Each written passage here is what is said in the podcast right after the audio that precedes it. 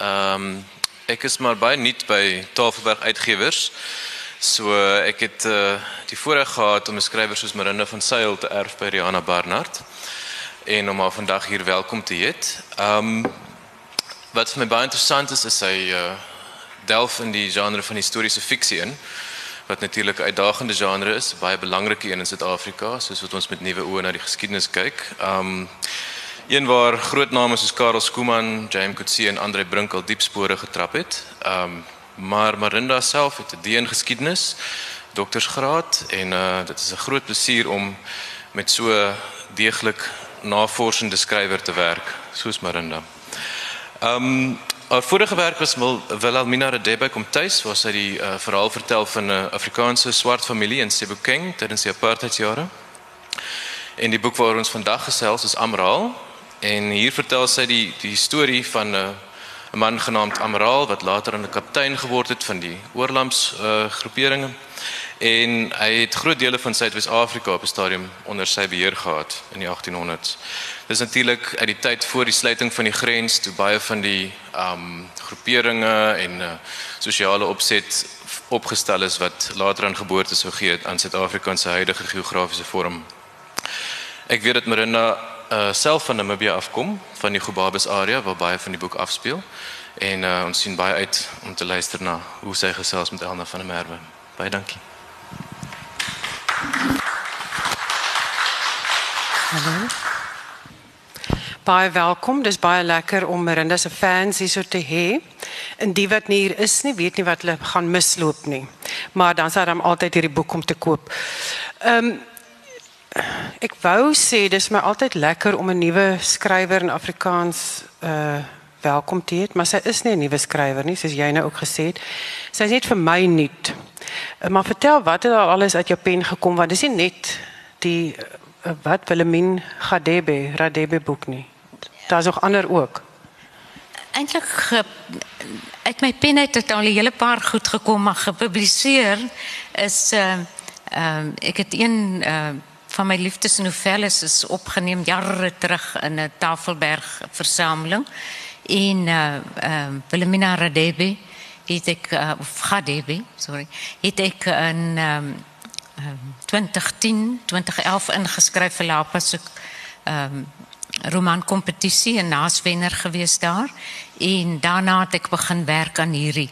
Want om navorsing te doen en te skryf vat lank. So dit het my 'n hele paar jaar gevat voor die volgende een klaar is wat ek toe eh, ook vir die groot romanwedstryd ingeskryf het uh, want dan is ek ten minste seker hy word gelees en op die eind gepubliseer Ja, en hy het toe die kortlys gehaal, Amaraal van NB Uitgewers, 'n groot romanwedstryd.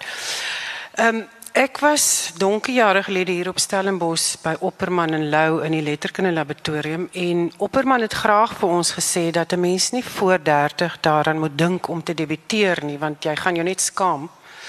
Uh, die enigste een wat hy toegelaat het, wat dink ek was Anne Sue de Vos wat baie jonk was toe sy haar eerste digbundel uitgegee het. Dit nou niks my storie te doen nie.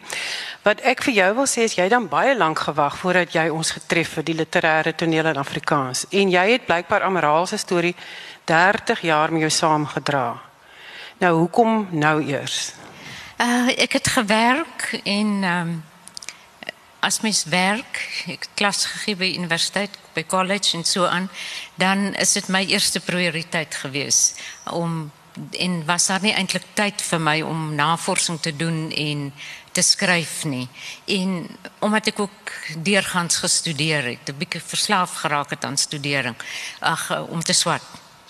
En uh, so eers toe ons nou afgetree het, het ek nou regtig begin tyd kry om my dit my stokperdjie te maak.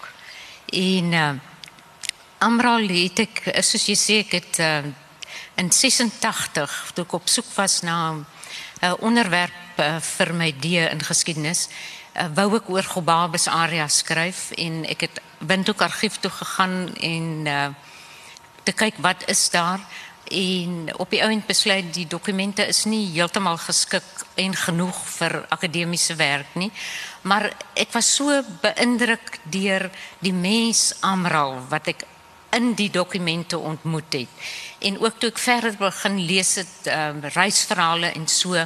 Daar is nie 'n reisverhaal wat in die tydperk 1814 tot 1860 in Namibië, huidige Namibië afspeel waarin Amral nie genoem word nie. En ehm um, hy het so oorgekom as so 'n positiewe mens. En wat my veral verskriklik van hom beïndruk het, op 'n stadium ek dink almal van u weet seker van die Afrikaners. Uh dit is nou die die eerste Afrikaners wat ehm uh, um, oude ram Afrikaner en sy seun Klaas en toe jager en toe jonker. En uh, op die ount na jonker se dood het sy seun Christian toe nou die kaptein geword. En op 'n stadium het hy al die nama kapteins opgeroep, die nama en die oorlam kapteins opgeroep om teen die Herreros oorlog te maak en in sy uh, brief het hy nou geskryf die honde en die bobbejane het weer weggeloop en almal moet nou kom help om hulle terug te bring. Hulle het weggeloop op Chimbingu toe. En Amra was verskriklik kwaad daaroor en op 89 het hy sy wa laat inspan om vir Christian te gaan vasvat uh, nie net oor 'n oorlog maak nie, maar oor sy benaming van die Herreros. En uh, in die ding laat hy dan skryf, hy kon natuurlik nie self skryf nie, dat hulle is nie bobbejane en honde nie. Hulle is mense net soos ons. En uh, hulle het ook die reg om vry te wees. En dit het my uh, regtig laat dink dat iemand in daardie tyd al dit so goed kon saamvat dat almal is net mense. En toe het ek besluit eendag gaan ek hierdie man moet almal van weet en eendag gaan ek 'n storie oor hom skryf. En dit het my lank gevat, maar hier lê hy. En ons is baie bly hy sê. So en hy het 'n baie mooi voorblad ook, moet ek by sê. Ehm um, ek weet nie of julle kan hoor nie. Ek hoorde dat sy 'n streek uitspraak het. Ek jy sê Amaral anders is wat ek dit sê. Ja, kyk, onthou ek is in Namibië gebore. Ons praat 'n bietjie ander Afrikaans. Uh, definitief nie Kaapse Afrikaans of Namako Afrikaans nie, maar uh, ons kom baie ooreen met die plat e en uh, dit en dan 'n sekere uh woorde soos uh sal ek nou ook anders uitspreek soos die een plek in die ding is Hoaganas en uh, so en omdat ek nou gewoond is aan die Namibiese uitspraak terwyl uh, ek het al 'n hele paar baie snaakse uitsprake gehoor. Maar dit is maar soos mens uh, my vriendin wat hier is wat my kamermaat op universiteit was hulle het my baie gespot oor my Afrikaans. En dan so af en toe die Duitse uitdrukking so so by so wat bygekom het. Maar uh, dit het my nogal gehelp in die boek om so 'n paar uh, uniek Namibiese uitdrukkings um, te gebruik en ook omdat ek 'n uh, groot deel van die skryfwerk het ek in Namibië gedoen op 'n plaas. Ehm um, min of meer in die omgewing uh, nou Sanabis waar uh, Amral 'n uh, tyd lank gewoon het en uh, uh, het my baie gehelp om weer bietjie van daai suiwer tipiese Namibiese Afrikaans terug te kry en ook te gebruik. Mm, jy sê dit is 'n baie suiwer Afrikaans nog steeds. Ja, want kyk, ons het eintlik nie van Engels geweet nie. Ons het tot Engels en matriek in Afrikaans gekry. Ek dink as jy ander name beurs is sal hulle weet dis waar. So, ehm um, die Afrikaans wat die mense daar praat en hulle praat nog steeds Afrikaans. Ehm um, is dit glad nie vreeslik baie Engelse woorde of vir uh, menging van Engels of verengelsing van Afrikaanse uitdrukkings nie. So uh, hulle hulle praat baie suiwer Afrikaans, maar dan ook die tipiese plat klanke en nie die geronde klanke van uh soos Transvaalse Afrikaans nie. Mm.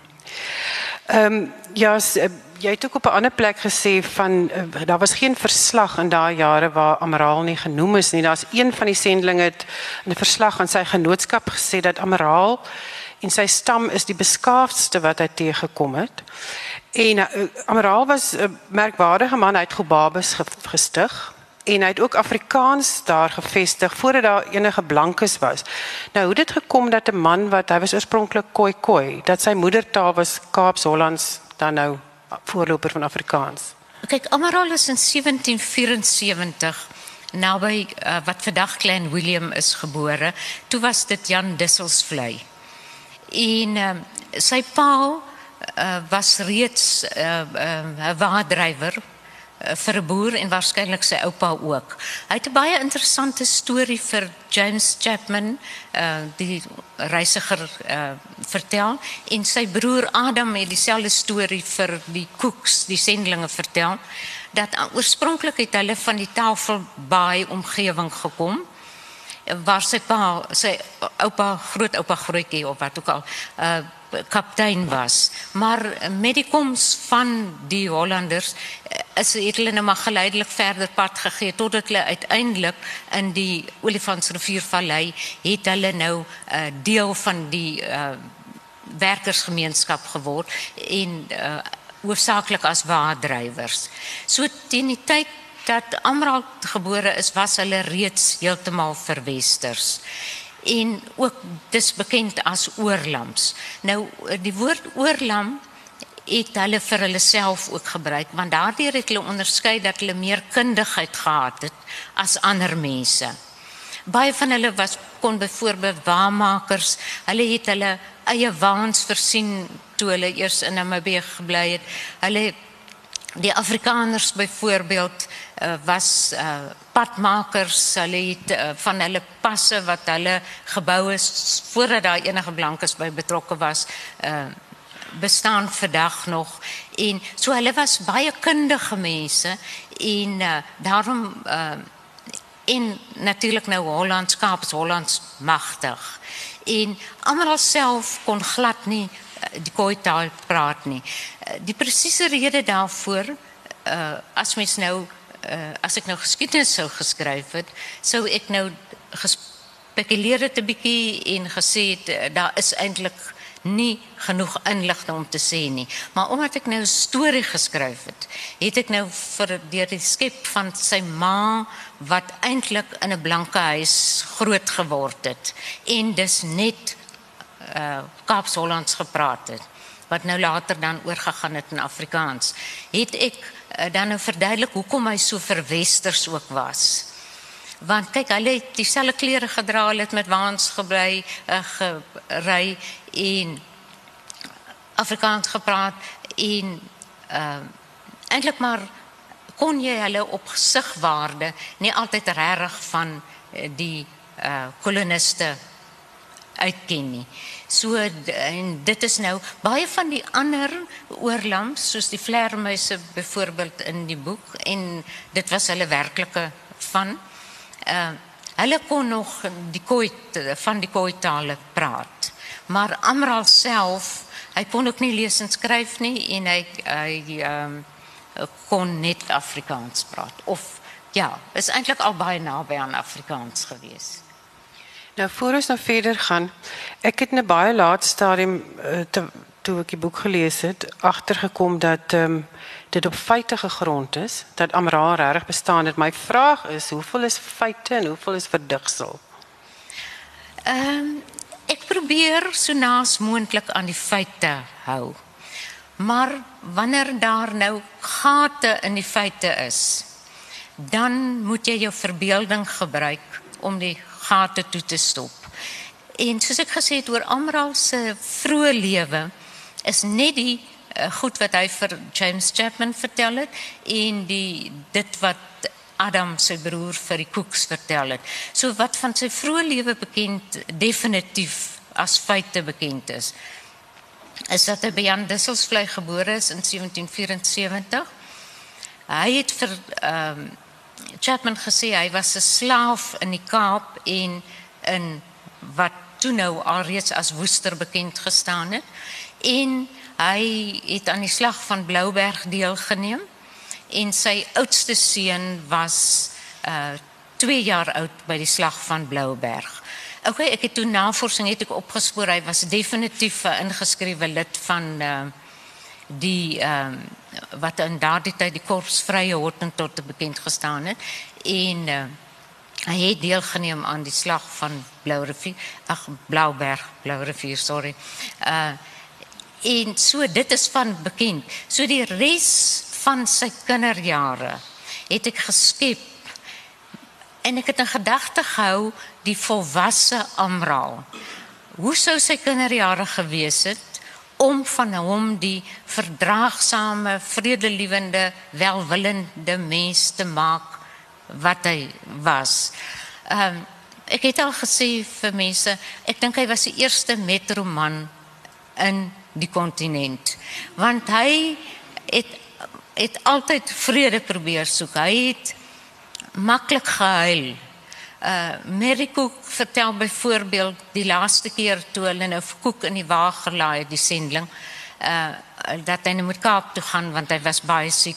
Hoe hy uh iets beskryf sy hoe hy uh, die trane oor sy wange geloop het toe hy nou die sending sien. Hy was uitbundig bly volgens die verslag van Egger byvoorbeeld. Elke keer as sy oudste seun van Kwaas afkom kuier. So hy hy het sy emosies gewys. Hy het toegelaat dat sy vrouens op sy kop sit. En ehm uh, maar altyd probeer vrede bewaar en ook met die sendlinge die vrede bewaar. So iewers in sy kinderjare moes die grondslag hiervoor gelê gewees het. En daarom sy kinderjare alhoewel fiktief, het ek nie sommer net uit die lug uit gegryp nie. Ek het probeer voorsien wat sou in sy lewe gebeur het. Amaral was byvoorbeeld nie soos die meeste van die oorlamps baie wrokkig teenoor blankes nie. Baie van hulle uh wou eintlik niks met later met die blanker reisigers met die blanke uh, handelaars te doen nie, nie. Omdat hulle slegte kinderjare gehad het. En dit is dit is sodat in sommige van uh die koi koi is op plase baie sleg behandel maar daar is ook voorbeelde wat reisigers noem waar die koi koi werklik as werkers goed behandel is. En uh, mis ek kon nou besluit dit sal ek nou iemand so Karel buitendag wat nie net sy koi koi aangerand het nie maar op die ou end na Mauritius verband is toe sy vrou een keer te veel aangerand het en sy hom gaan verklaar nie of sal ek soos om nou na my man se kant te verwys 'n sekere Arnoldus Arnoldus van Sail wat Alexander in sy reisverhaal sê, hy vat dit nou daarom weer te ver na die ander kant toe. Want elke stry koi koi, dis nou nie die woord wat hy gebruik nie, maar ek gebruik dit, maar elke stry koi koi word by hom gehuisves en hy laat hulle nog toe om sy huis te bly ook.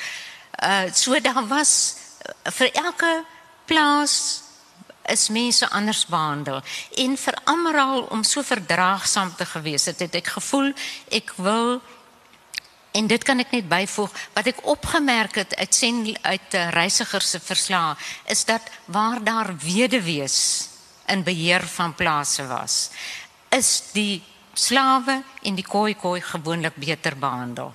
Daarom gebeur dit in die boek so dat 'n groot deel van Amra se kinderdae is 'n weduwee in beheer van die plaas. Ek wil nou nie te veel van die storie weggee nie. So uh, dit is nou fiktief, maar fiktief vanuit kom ons sê 'n logiese benadering. Dis nie sommer net uitgedink nie. Ja, nou die kinder daar wat sy vir ehm uh, Amaralskep hy's toe nog Lambert. Hy dis sy naam het later verander. Lammert was eintlik Lammert Lammertjies. Ehm um, is verskriklik mooi. Ek wil net eers sê dat ehm um, hierdie hele boek gaan oor Amaral se se trek al verder noord om sy kinders en sy nageslag vry te kry dat hulle nie ook of inboekelinge te wees nie. Vryheid. En hy het geglo almal is gelyk, maar hy het van baie kleins af die teendeel ervaar. En en dit het begin daar op die plaas sy ma Rit se beste maat was Elsie. Elsie was wit Rit nie en hulle Rit is eintlik in die huis grootgemaak as nog 'n kind van daardie gesin. Maar toe sy saamtrek met haar vriendin Elsie wat gaan trou, toe word sy skielik na die maatjies huise gestuur. Maar hulle twee, die twee vriendinne se babas word toe saam groot. Dis nou Lammert, later Amraal en Alwyn. Ehm um, nou is hulle gebore. In die kombuis lê Rut vir Lammert by Alwyn in die wieg neer Sy kyk 'n rukkie na die slapende baba, streel oor Lambert se wollerige hare en hy gly haar vinger oor sy plat neusie. Sy bolwange laat sy bruin oë wat van die kielie op skreefies trek nog kleiner lyk. Alwyn is van geboorte af al langer as Lambert, sy lyf en gesig skraal. Sy streel ook oor sy koppie, oor trek met fyn rooi hare. Hulle lyk so gelukkig en tevrede. Toe die wiegie te klein word vir twee babas, gooi Elsie 'n lappies kombers op die vloer. Lambert kreukel sy plat neusie en gaan aan die skree toe hy alleen op die kombers neergesit word, maar hou op toe Alwyn langs hom neergelê word. Hy roei met sy fris armpies tot hy Alwyn se hand beet kry, maak sy oë toe en slaap. Alwyn kraai asof hy lag. So dit is hoe hierdie twee seentjies groot geword het, maar gou-gou verander hierdie scenario's is wat baie gebeur het, seker nog tot in die vorige eeu op plase. Jy lees jy vir ons, ehm um, hierso. Nou later het Alwyn 'n sussie Aletta wat verskriklik op die twee seuns se senuwees werk. Hulle moet haar oral saamvat. En hulle is nie baie lus vir Aletta nie. En eendag gebeur dit.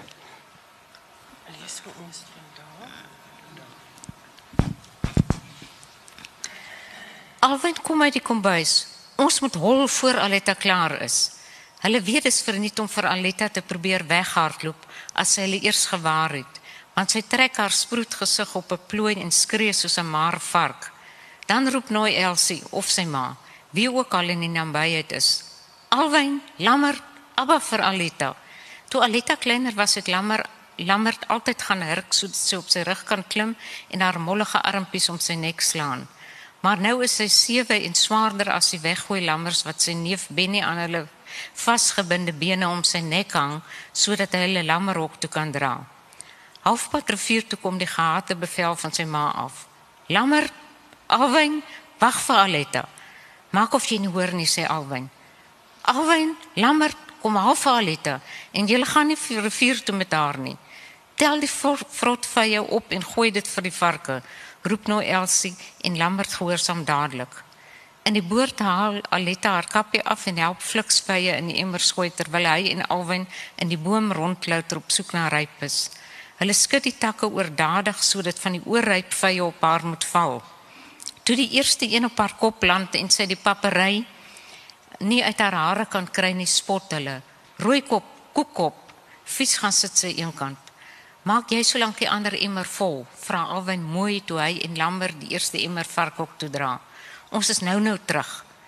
Na die emmer in die varkok trog leeg gemaak is, verander hy van plan. Ek juk nou te erg van die vye melk, eers swem gat toe. Aletta moet hulle dopgehou het want sy skree: "Wag vir my!" en kom aangehardloop. Lambert druk gedwee, maar in plaas van opklim, spring sy op sy rug en hy val vooroor. Die nerf afknie laat haar huilend huis toe hardloop met Alwyn en Lambert wat tartend agterna roep. Chunkbali, Chunkbali, vervloekte klein hotnot. Pas haar se stem laat Lambert omswaai. Die sweep klief deur die lug en die voorslag tref hom in die gesig. Vandag moer ek die oorlamsheid uit jou uit. Die tweede hou tref hom oor die blaaie toe hy wegkoes. Ein asseblief tog oupas, ein as groot asseblief tog. Ek het niks gemaak nie, so wat hy terwyl hy hou op hom val. Papa nee, hoor hy vir Alwyn pleit. Aletta het geval, dis haar eie skuld. Die sweepslag hou op. Lammer hoor Baas Hans boom asemhaal en hy knyp sy oë styf toe. Vat jy nou hot tot se kant in jou suster? Nee, papa sit hom hom onderste bo gespring. En toe koggel jy 'n klein dogtertjie wat seer gekry het. Maak dat jy wegkom voor jy ook deurloop. Lammer bly lê tot hy nie meer Baas Hans se voetstappe hoor nie toe hardloop hy soos 'n kolhaas rivier toe om die pee af te was. Ja, so hierdie soort ongelykheid het hy dwars deur sy lewe ervaar en tog, soos jy gesê het, nie 'n verbitterde man geraak nie. Ehm um, daar was verskeie belangrike vroue in Amraal se lewe wat ook 'n lekker liefdeskomponent in die storie inbring. Die eerste was 'n Kaapse slavin, haar naam is Clara ek lees net 'n stukkie van toe hy die eerste keer sy oë op haar lê want hy het Kaap toe kom met sy wa allerlei transaksies deur die jare. En hier hulle nou uh seker by Groenpunt, ek kan nie onthou waar hy toegestaan het nie. Nee, dit was die eerste keer toe hulle Kaap toe gegaan het sodat Aletta en ehm um, Alwyn kan katkiseer. Want die uh, blanke kinders moes daardie tyd nog in die Kaap uh gaan katkiseer. Later was daar wel waar huidige Mamasbury is, 'n kerk, maar ehm um, daardie tyd moes hulle dit in die Kaap gaan doen. Mm. Ja, natuurlik het die kinders die plaas 'n onderwyser gekry wat hulle leer lees het, maar die maatjie Lammert hy word nie geleer lees nie. Clara.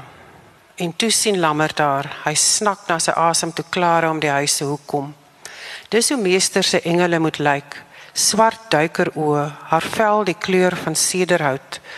Die rokspan oor haar rondings en verraai dat sy nie meer 'n kind is nie. Toe sy buik om die kus op te tel, glip 'n sliert blinkswart hare onder die kopdoek uit. Lammert keer, "Wag, dis te swaar vir jou. Ek dra dit binnekant toe." Haar lag stuur 'n tinteling deur Lammert se lyf. Dit klink soos die kabbeling van water oor spoelklippe. Nee, soos die roep van 'n rooiborsduif. Dit borrel uit net om skielik ingesluk te word. Dis sy eerste liefde, Clara. Ek gaan nou nie haar uh verraad verduidelik nie, maar vertel net hoe het dit kon dit gebeur dat 'n slavin toe met 'n wit man trou? Uh, kyk, eintlik was dit baie maklik want ehm uh, die eienaar kon die slavin met toestemming nou natuurlik van die uh eh, VOC raad aan die Kaap uh vrystel en uh, trou. So jy wat van uh die voormoeders van baie van ons Afrikaners was ook slavinne. En so dit is ehm um, in die boek er, uh, verder aan uh, sê ek dat Elsie het ehm um, uh die reëlings gaan tref sodat uh uh want Clara toe hulle slavin geword en hulle het haar vry, vrygestel. So dis. Ehm um, ja, die tweede vrou met haar was hy lank getrou, was getroud was Hanna. hy het haar ontmoet toe sy 8 jaar oud was en hy is met sy wa op Baas Pinaar se plaas in die Bokkeveld waar hy besigheid gedoen het. En uh, die aand voor hy vertrek, is hy by by sy wa voor hy die plaas weer verlaat, Baas Pinaar se plaas. Toe daar skielik 'n vrou inbuk by sy wa en sy sê vir hom asseblief meneer, jy is ons laaste uitkoms. Aankomende maand is my Hanna 9. Sy moet net van hierdie plaas af wegkom. Ek gaan haar nie laat verniel voor sy nog bekwam is nie. Ek pleeg liewer moord voor sy dieselfde pad as ek moet loop. Dan vat hy haar weg uh, en hy vat haar na haar ouma toe waar sy dan nou groot word en hy lê nou eers later weer sy oë op haar in 'n baie ehm um, wat skunnige nee, nie skunnig nie, wat is die woord, maar dis 'n baie lekker toneel waar hy op die plaas kom en hy het nou tussen Hy was na Aletta was hy het hy gesê vroue is gifgoed en hy wil niks meer weet maar toe het hy nou sy hart sag geword. Vir Hanna, hy kom op 'n plaas, maar sy kom nie aangehardloop toe hy die werf inry nie. In daai stadium het sy hom nog oom genoem. Toe sê die nooi van die stoep af. Ehm um, hulle is by die parskuipe. Ek soek nog trap trappers, julle kan maar inval. Verdrywe trap is lammerd nie lus nie. Hy het hom vanoggend uitgevat in sy nuwe klere en die wil hy nie bemors nie. Hy gewaar vir Hanna waar sy saam met 'n jong kerel trap. Met haar rok hoog opgebind pomp haar bene ritmies op en af terwyl sy aan die man se boarms klou om haar balans te hou. Lammert stuk van verontwaardiging want die man se oë is vasgenaal op haar borste wat op dieselfde ritme skommel. En dan natuurlik sien sy hom en dan sê sy hy moet ook kom trap in die volgende lui die uh, spreekwoordelike ehm um, huweliksklokkies. Ehm ja, so Vertel 'n bietjie vir ons van Hanna en wat was haar cinema saving grace in sy lewe gewees? Ja, Hanna is natuurlik uh, die werklike alhoewel ek uh, ek sal nou die naam toe kom. Hanna was jonker Afrikaner se suster. Uh, dit is nou werklik, werklike feite. Maar in die geskiedenis ongelukkig uh, word vrouens se name as hulle genoem word, dan word hulle of iemand se vrou of net so in die verbygaan Uh so wat haar naam was, dit weet ek nie. En maar omdat haar ma se naam Anna was, uh het ek besluit en uh die ander suster uh, wat wel in die geskiedenis genoem word, uh, Griet Griet Pinaar het haar pa genoem om 'n spesifieke rede.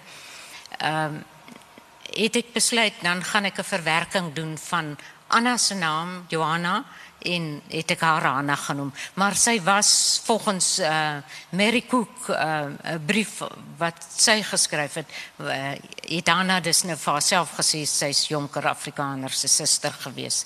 Wat nog 'n interessante uh kinkel in my storie meegebring het, want ehm um, Anna het op 'n uh laat hulle te laat lammetjie gehad.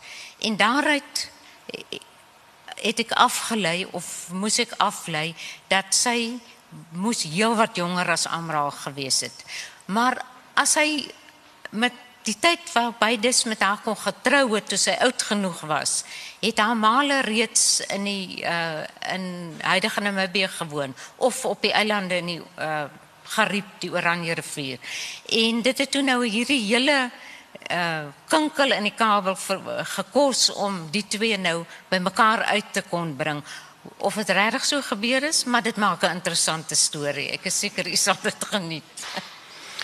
Ehm um, ek het ook 'n voormoeder wat is Lafin was aan my ma se kant, Ansela van der Kaap. Wat 'n baie direkte lyn na my ma toe. So die ons wêreld is baie klein. Ehm um, Amara se laaste vrou Trin ontmoet is op bladsy 1 waar hy lê en uil. Dis aan die einde van sy lewe, hy's 90 jaar oud. Ehm um, hy steur mekaar lê daar. Amara kry nie geluid uit nie. Sy oë is op die slagtersmes in haar hand. Hy het met sy eie oë gesien waartoe sy met daardie einste mes in staat is. Hoe gevoelloos sy dit op 'n mens kan gebruik as hy dink die kwaad moet uitgeslag word. Nou ek het nou lank gewonder of ons nou vanaand vanmiddag moet praat oor wat hierdie vrou aangevang. Sy twee keer goed met daai mes aangevang wat julle nie sal glo nie. Maar ons het besluit ons gaan nie daar praat nie want ons gaan te veel weggee. Lees self. Ehm um, vertel ons dan iets anders van Trien. Daar's so baie groeperings in die boek en stamme in Namas en Namakwas en Afrikaners en swart Hollanders. Nou maar sy toe sy aankom by Amiral en hy met haar trou het sy stam op haar neergesien want sy was 'n baster. Nou wat hoe wat was die baster dan nou? Nee, nee. nee. Hulle het nie op haar neergesien nie. Kyk, uh mense ek nou maybe het sal nou weet dat uh, dit is die benaming wat ehm um, die mense wat in 18 uh 80 1888 daar rond as 'n groep na Namibië toe getrek het uh, waarvan meeste uh, blanke paas gehad het. Hulle beskou hulle self as basters. Hulle gebruik nog steeds vandag die naam baster. So as jy 'n wit pa gehad het, dan het jy jouself as baster beskou en hulle het eintlik hulle self as 'n trappie hoër as die ander gesien. So ehm uh, die aanvanklike antagonisme teenoor Trien is omdat die mense baie lief was vir Hanna. Sy was eintlik 'n baie gematigde, vredelewende vrou ook en almal gehelp en so aan. En ek dink hulle het vir Amra kwaliek geneem omdat hy so gou alhoewel dit 'n jaar eintlik nou in die boeke jaar is eh, dat hy weer getrou het. Maar sy ehm uh, het haarself dwars deur ek verwys op 'n paar plekke daarna. Uh, van Trin weet mense bietjie meer wat nou baie interessant is want die sendling Eghard kon haar glad nie verdra nie. Hy het daar eh, 'n uh, bose slang in die gras genoem en daar want dit is nou van die sendelinge se uh, verslae. Gewoonlik lees jy daarin net van die mense wat die sendeling kwaad gemaak het. Want elke aand het hy mos nou basies neergeskryf wie nou wat weer vandag verkeerd gedoen het. So van Trien en wat sy nou alles aangevang het en gesê het, is daar nogal in Eggert se verslae redelik baie. So dit was 'n makliker karakter om vorm te gee omdat ek uh, Ek geweet het wat hy gesê het, maar dit dan nou ook van Amra se kant af en van Trent se kant af eerder geïnterpreteer het as net om die sending te herhaal. Want sy was 'n sterk vrou, maar sy het ook 'n moeilike verlede gehad. Uh wat ek nou nie graag sou weggee nie. Hier is baie geheime wat 'n mens moet hou. Hier is nog 'n pragtige liefdesverhaal in hierdie boek wat nie met Amara te doen het nie. Dit is van die sending Henrich Schmelen en Sarah. Wil jy nie vir ons daai storie vertel nie? Laat ek eers so half in die middel van daai storie net 'n stukkie lees. Hy Henrich en Amaral kom Kaap toe weer met die wa van Doer waar het hulle toe nou gebly? Uh By besonder by sondermeid. ja, by Sondermeid. Jy moet maar in die boek ook lees. Dit dit is nou glad nie 'n mens nie, maar hoekom die plek so genoem is. En uh, hy moet die genootskap, sy sendinggenootskap het hom laat kom om iets, hy moet kom verduidelik daar iets. En nee, dit is hy moes sy wa gaan haal sodat hy nou op die tog kon gaan. sien, ekskuus.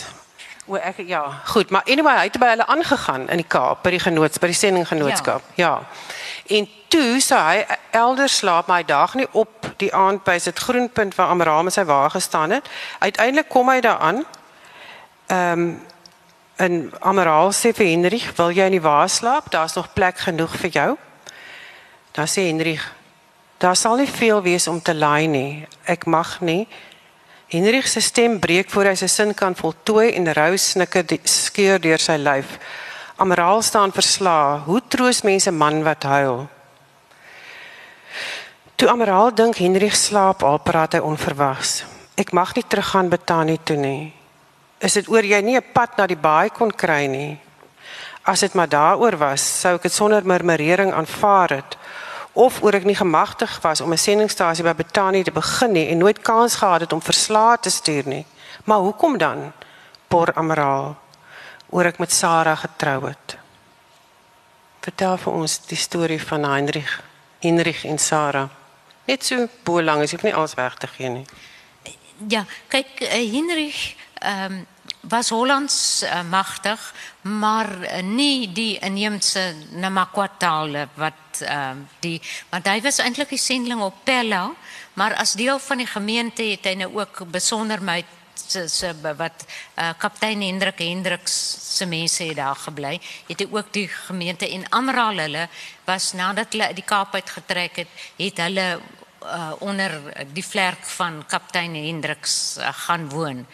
En Hendrik het nou eendag daar aangekom en uh, toe ook begin om hulle te bearbei. Hy het 'n hele paar mense daar gedoop en so en onder andere die kaptein se dogter Sarah uh, wat uh, 20 jaar jonger as Hendrik was, was deel van die wat nou ook deur die katekisasie gesit en gedoop het. Maar omdat uh, sy ook uh, uh, oorlamaan gehad het, uh, kon sy uh, Afrikaans praat soos sy kon of um, Kaapse-Hollands praat. Sy kon die Namaquataal praat en uh, so sy het uh, dis kon nou die preek en die goed baie maklik verstaan.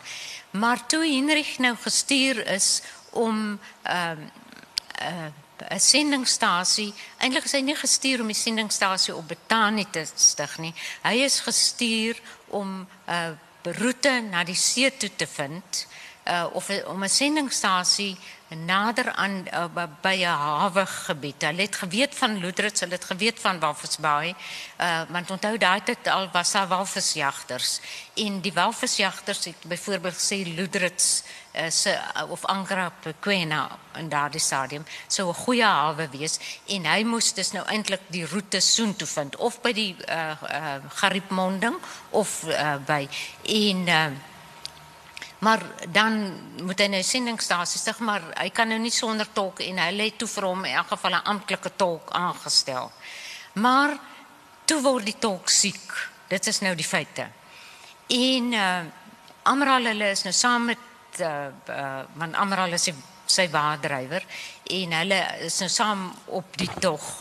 En uh nou kan die tolk nie saamgaan nie. Henrich kan nie preek vir die mense nie en toe bewimpel uh, Amraal se vrou en sy het dit nou so dat sy nou kan saamgaan op die tog en uh, maar kaptein Hendrik sal het nie saamgegaan nie. Amraal hulle neem nou verantwoordelikheid vir die dogter en toe op 'n stadium ehm um, toe kom die sendeling ag die kom die uh, tolk nou weer toe sy gesond toe kom hy terug. En uh, dit is nou maar toe het um, in Henrich se verslag aan die sendinggenootskap het hy nou vreeslik onpersoonlik gesê want hy omdat hy nou alleen in met haar in die wa moet ry toe sy vir hom gehelp tolk het. En hulle toe al reeds begin het het sy vir hom begin om die psalms te vertaal en uh, hulle het al begin in die testament te werk want dit is definitief. Die geskiedenisfeite sê dit nie maar Henrik kon nie na Makwa praat nie. En in werklikheid het hy nie die Bybel in naam aan nie maar in die suid uh suid van die Oranje rivier wat ek nou na Makwa ek sal later verduidelik hoekom ek verskil maak tussen hulle uh vertaal en uh sy het dus vir hom eintlik die vertalings gedoen. Ehm uh, hy in Nederlands en verduidelik wat hy wil sê en dan het sy dit in Nama en sy kon uh, skryf. Sy het by hom geleer in die skole wat hy ook gegee het om te skryf. En uh, dit is nou hy sê nou net hy moes want eendag was dit koud hulle moes die flappe van die water toemaak en omdat hy uh, uh, onder 'n baie praterige volk gewer, uh, gewerk het moes hy met haar trou om haar goeie naam te beskerm. En dit's dit. Maar ek het maar 'n bietjie anderster lekker liefdesverhaal daarvan gemaak. Ja, hy wou nou seker nie die sending genootskap alles vertel wat onder daai flappe gebeur het nie. Ja, ek dink kan ek net so 'n stukkie daar self lees waar uh, want aan die die tolk se siek word was dan nou ook 'n ehm um, so redelike kinkel in die kabel. Ehm um, Hulle trek rus rus want by elke fontein waar mense woon word oorgestaan sodat Hendrik die woord kan verkondig. Met Sarah as tolk word sy preke so goed ontvang dat hulle gewoonlik vir 'n dag of 3 oorstaan. Met die tydsame pas waarheen waarteen hulle trek, haal die tolk hulle binne 2 weke in. Lammert gewaar die man op die os terwyl hulle laatmiddag die osse uitspan. Pa, dis mos die oom wat so geskuit het wat daar aankom. Is jy seker? Vra Heinrich en loer by die wa uit. Dit lyk vir Amral asof die sending pas die doodstyding gekry het. Sarah kom ook uit die water voorskyn. My ma se krye werk altyd. Amral kan die wanhoop op Sarah se gesig nie miskyk nie. Hoe kon hy nie agterkom wat hier onder sy oë aan die gang is nie? Wat nou? vra hy vir Heinrich. Hy is die betaalde tolk. Ons kan hom nie wegjaag nie, sê Heinrich en verdwyn weer in die wa. Sarah spring van die wa af en struikel oor haar lang rok. Toe Amra keer dat sy nie moet val nie, sien hy dat sy huil. Dit kom nou van julle gekonkelry, raas sy later met Hanna toe hulle eentjie gaan stap. Dit was die hele idee domkop. Henrik het 'n vrou nodig en Sarah is al lank al lief vir hom. En ek dog dis ter wille van Jakobus dat jy dit gedoen het. Ai tog, klik aan haar tong. Jou boetie is nog 'n kind. Ek weet hy's laaitjie been vir Sarah, maar sy's lief vir Henrik. En as sy haar nie wil hê nie, dan dwing jy hom. Het jy vergeet jy het beloof om het jy vergeet dat jy beloof het om vir Sarah 'n pa te wees? Dink soos 'n pa wat vir sy dogter die beste man wil hê en maak 'n plan. Ek sal nie my dogter afsmeer aan 'n man wat net heeldag wil Bybel sit te lees nie. Veral nie as hy jou geaardheid het nie. Probeer almal uit die ding kom stories van. Ehm um, ek verneem jy het van sy afstammelinge ontmoet. Ja, hier is gelukkig vandag twee van sy afstammelinge hier wat spesiaal gekom het en ek waardeer dit baie. Dis Horst Kleinschmidt en Kenneth Macatius. Wat ook hier is. Baie welkom aan julle. Ehm um, net ons begin klaarmaak. Ehm um, 'n laaste vraag wat ek nog wil vra is Jy hoef dit te antwoord jy nie wil nie. Ehm um, waar werk jy nou? Uh op die oomblik rus ek nog 'n bietjie. Ek het 'n halfgeskryfde manuskrip oor die Dorsland trek want uh my man se ma was ook 'n uh, afsammeling van die Dorsland trek en ek het jare terug vir haar beloof ek gaan sal 'n storie skryf. Maar nou gaan dit so met Suid-Afrikaanse of Afrikaner geskiedenis dit wat die nasate onthou en dit wat jy ontdek as jy begin navorsing doen is nie dieselfde nie en ek kon nooit die ding klaarmaak nie want of ek moet 'n kompromie met myself aangaan of ek moet my skoonma 'n hartaanval gee voor die tyd. en toe het ek nou maar gesloer gesloer met die ding. So miskien sal ek nou my man sê ek moet dit eers klaarmaak, maar Amral moet haar opvolg kry. Want ehm uh, aan die einde van die boek gaan Amral dood op 90.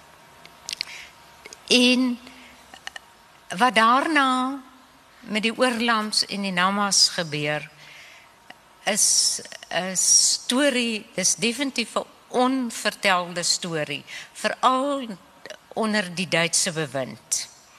Uh die volksmoord op die ehm uh, Herreros is redelik algemeen bekend. Maar ek dink baie min word in geskiedenisboeke gesê van wat met die Namas gebeur het. En ehm uh, die nazi-styl uh, konsentrasiekampe wat hulle byvoorbeeld in Ludritz gesit het. En die hoeveelheid Namas wat uh, gesterf het in hierdie uitwissingsoorlog teen die, die Namas wat uh, natuurlik nou nie so ligter trant boek soos Amral uh, kan wees nie, maar ek voel tog een of ander tyd, maar dit gaan baie navorsing verg. Ek het al boeke begin bymekaar maak. Uh, ongelukkig ehm um, ek het 'n leeskennis van Duits uit my uh, skool daar uit, maar uh, ek het nou al 'n paar, maar nou is dit nog in die ou Duitse skrif ook geskryf. So ek dink dit gaan lank vat. Want nou moet ek ek uh, gelukkig het ek van my skoolboeke het nog die ehm uh, um, letters in sodat ek gaan dit nou vir my vergroot en sit sodat ek dit kan ontsyfer want dit is werklik waar ook 'n gestuk geskiedenis wat moet geskryf word. Nie as geskiedenis nie, maar op 'n emosionele vlak sodat mense daarmee kan identifiseer. Want dis hoekom ek stories skryf. As ek nou hierdie stuk geskiedenis in 'n artikel byvoorbeeld geskryf het, dan sou 'n paar mense dit gelees het en gesê het ag, so what. Maar sodra jy 'n storie met mense daarvan maak, dan begin mense dink, nou maar dit klink soos my familie, dit kon met my gebeur het. En dis hoekom ek dis verkies om eerder geskiedenis in 'n storievorm te skryf.